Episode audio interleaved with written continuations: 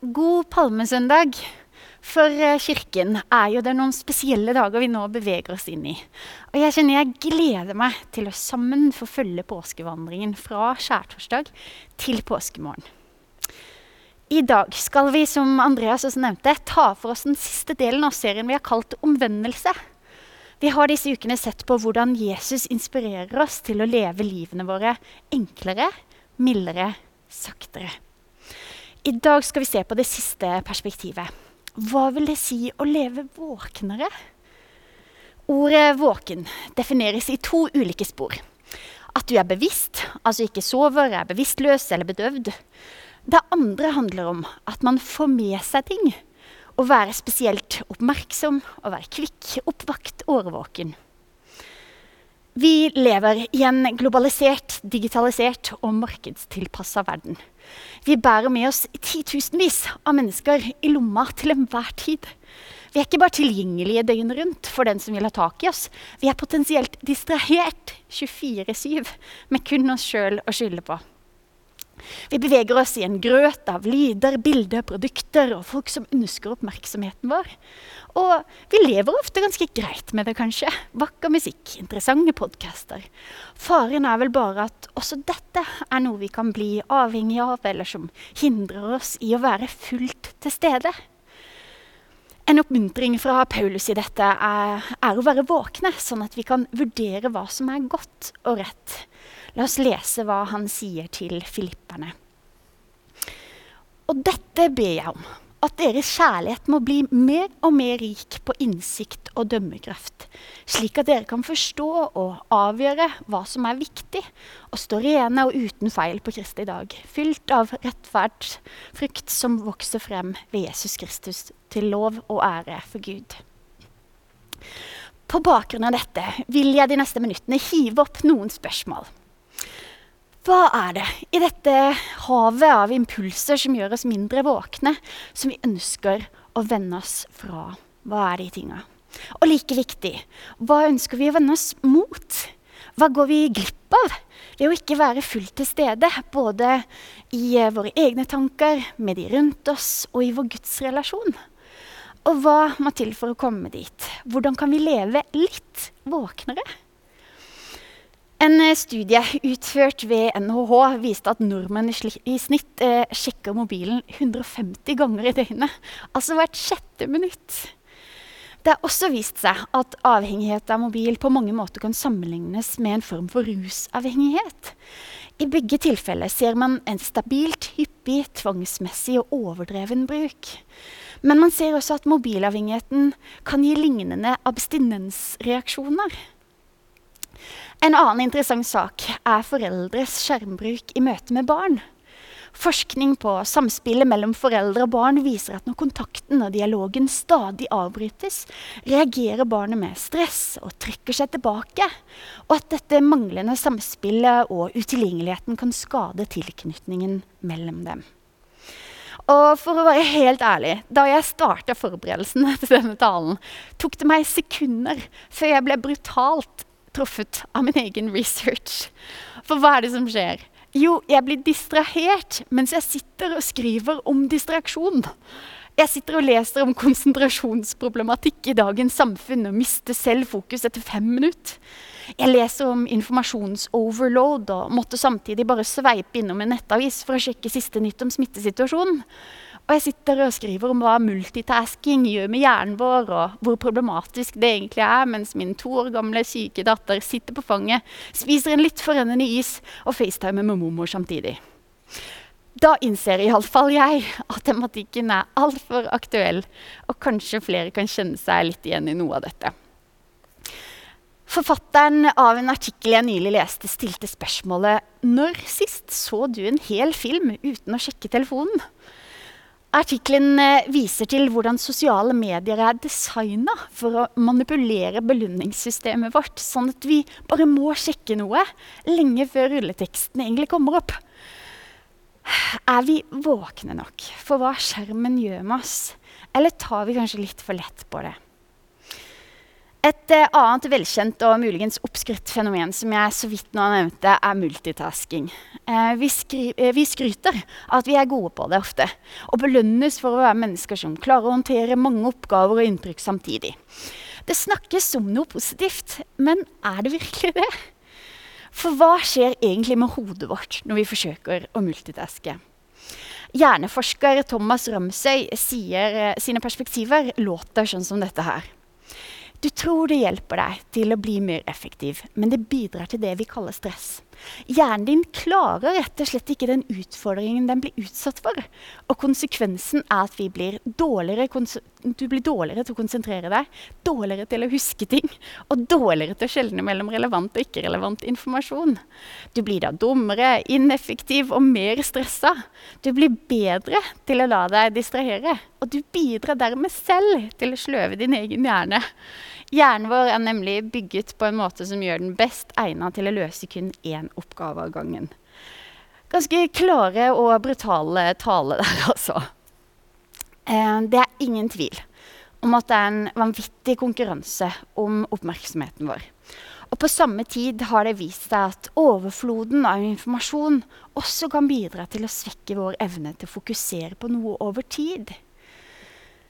Et spørsmål jeg der stiller meg, er hvis vi blir raskere og raskere lei, hvis vi sliter med å holde fokus og ta inn mengden av inntrykk, fører det også til at vi blir mer likegyldige til de sakene vi virkelig burde stanse ved? Vi får så mange inntrykk, så mange impulser. Ikke alle impulsene er mulig å føle på. Ikke alle behovene er det mulig å få empati med. Ikke alle gladnyhetene klarer man å glede seg over. Ikke all ondskapen har man kapasitet til å ta inn over seg. Og ikke all sammenligningsgrunnlag er det mulig å overse. Jeg vil påstå at vi når vår makskapasitet lenge før inntrykkene opphører. Spørsmålet er blir vi for fulle av inntrykk til å ta inn over oss sakene som vi egentlig burde eller ville ønska å engasjere oss i eller tatt ansvar for. Og hva med signalene fra de vi bryr oss egentlig aller mest om? Et annet viktig spørsmål er distraheres vi bort fra det som gagner oss sjøl? Det er blitt gjort mange undersøkelser på hvordan vår psykiske helse påvirkes av skjermbruken vår. Og et perspektiv som forskerne virker enige om, er at det finnes en klar sammenheng mellom et stort forbruk av skjerm, sosiale medier og ulike former for psykisk uhelse, og da spesielt depresjon. Men det har blitt uttalt noe interessant om dette, syns jeg. Lege og forfatter av boka 'Skjermhjernen', Anders Hansen, han sier det er ikke nødvendigvis mobilen i seg sjøl som gjør at vi blir mer deprimerte. Men mobilen tar bort tiden, sånn at vi ikke rekker å gjøre det som er viktig for oss. Og hva er det han mener med det her? Jo, mobilen kan ta opp tid og energi, sånn at vi ikke får prioritert å dekke våre grunnleggende behov. Den kan stjele søvnen vår, fysisk aktivitet, tid med de vi er glad i osv. Når vi da ikke får dekka disse behovene, blir vi mer sårbare og mister det vernet som skulle beskytte oss mot psykisk sykdom. Men eh, OK, nå må vi stoppe opp litt. For det er jo fort å tenke åh, guri, så fælt dette her mobileriet har blitt. Dette er dårlig for meg, åpenbart. Jeg vender om fullstendig. Men kanskje et hakket mer positivt blikk på dette kan være fordelaktig. Det hebraiske ordet for omvendelse, sjuv, betyr bokstavelig talt å komme tilbake. Kanskje handler omvendelse først og fremst om å komme tilbake til seg sjøl, der Gud alltid står og venter. Med dette i mente så blir kanskje også snakket om en daglig omvendelse mer begripelig. Omvendelse handler ikke bare om hva vi skal snu oss fra, men hva vi vil vende oss mot. Hva om vi stilte oss spørsmål som hva er det vi går glipp av? Hva er potensialet i et sinn som er samla, udelt i oppmerksomhet? Hva ønsker jeg å bruke mer tid på, som kan erstatte flere av disse kanskje impulsene som ofte distraherer? På hvilken måte vil jeg sjøl og de rundt meg dra fordel av at jeg er mindre distrahert, at jeg er mer robust psykisk, kanskje, mer til stede, mer oppmerksom på de gylne øyeblikkene? Hvordan kan jeg være våknere i meg sjøl, i mine relasjoner, og i mitt forhold til Gud. Stian Aarbrot, som vi hørte tidligere her, forteller i en av bøkene sine hvordan han tok seg i å gjentatte ganger leke med datterens Lego med venstre hånd og sjekke Facebook med høyre. Og opplevde, som mange gjør, at han eh, brukte for mye tid på diverse nettaviser og sosiale medier. Løsningen ble det han kaller en digital avrusning, gjerne i forbindelse med fastetiden. Nå hørte vi han selv fortelle at han dette året valgte å forholde seg litt annerledes til denne her tida. Men de åra hvor kjøret går og for fullt og man trenger å bremse litt opp, forteller han at han gjerne har brukt enten en gammel Nokia eller gjør sin egen mobil dummere ved å fjerne alle programmer for mail, internett, sosiale medier, spill, you name it. Som en del av denne avrusningen så uh, slår han helt av telefonen minst én time daglig, og hører heller ikke på musikk eller podkast rett i øret. På jobb bruker han internett kun til e-post og konkrete arbeidsoppgaver, og på fritida er det totalforbud mot internett, med unntak av nettbank og trikketider, så ikke superspennende der. Den eh, første uka forteller han at abstinensene stadig kom. Som om det var en form for rus som hjemsøkte han. Han merka det spesielt godt i de ledige øyeblikkene som dukker fort opp i løpet av dagen. At han følte seg naken eller sånn urolig når han ikke kunne ta frem mobilen. Men hvilke positive effekter hadde dette på livet hans? som Han beskriver? Jo, han forteller hvordan han ble mer til stede med kone og barn. Kveldene ble mer åpne og ledige, sånn at han fikk fylt eh, hverdagen med flere aktiviteter som ga han glede og overskudd. Og på jobb så ble arbeidstida mer effektiv og fokusert. En eh, bevegelse som stadig går igjen i evangeliene, er Jesus som forlater folkemengden for å få litt tid alene. Og sånn veksler det. Tilbake til folkemengden, deretter et opphold på et øde sted osv. I det ene øyeblikket talte han til og ga mat til tusenvis, før han trakk seg tilbake. Da disiplene kom tilbake fra oppdrag, ivrige etter å fortelle hva de hadde opplevd, så sa Jesus, 'Kom med meg til et øde sted hvor vi kan være alene, og vil dere litt?' At vi alle trenger å koble av fra sosialiseringen imellom, er en selvfølge for de aller fleste. Men digitale folkemengder er like reelle og energitappende om vi ikke kobler av med jevne mellomrom. Skjermens fare er at den distraherer oss fra å gjøre det som er det beste for oss. Vi sløves og blir mindre våkne for hva som skjer med oss og med de som er rundt oss. Men når vi kobler oss av skjermen, har vi mulighet til å velge det som er godt. Magnus Malm sier når mitt mentale rom ikke innredes av andre, kan jeg innrede det selv. Så lenge vi mates med signaler utenfra, vil vi velge de fremfor signalene som kommer innenfra. Men å velge det gode krever likevel en innsats fra oss. For har du merka at mange av de tingene som gir overskudd og hvile, også krever litt krefter å sette i gang? Man, ord, man, kan med andre ord ikke være så sliten at man ikke orker å gjøre det som er godt for en. Derfor ligger det alltid en fristelse til å velge noe som distraherer oss, fremfor noe som fornyer oss. Men det er det sistnevnte som Gud har skapt for å gi oss hvile og ny energi. Ordet rekreasjon kommer fra latin 'recreare' og betyr å gi nytt liv. Det er et begrep som dekker de aktivitetene som gjør at et menneske kommer seg til kreftene igjen. Det kan være å bytte miljø ved å reise til et annet sted, gå i byen, i fjell, drive idrett, en hobby, være sammen med noen over en god middag, eller bare hvile og ta det med ro i sin egen stue. Rekreasjon er å gjøre de tinga som du har erfart, gir deg hvile og fornya energi, som gjør at du er mer våken. Jeg vil også påstå at når vi kobler oss av skjermen, åpner det muligheten for å se Gud tydeligere med vårt indre øye.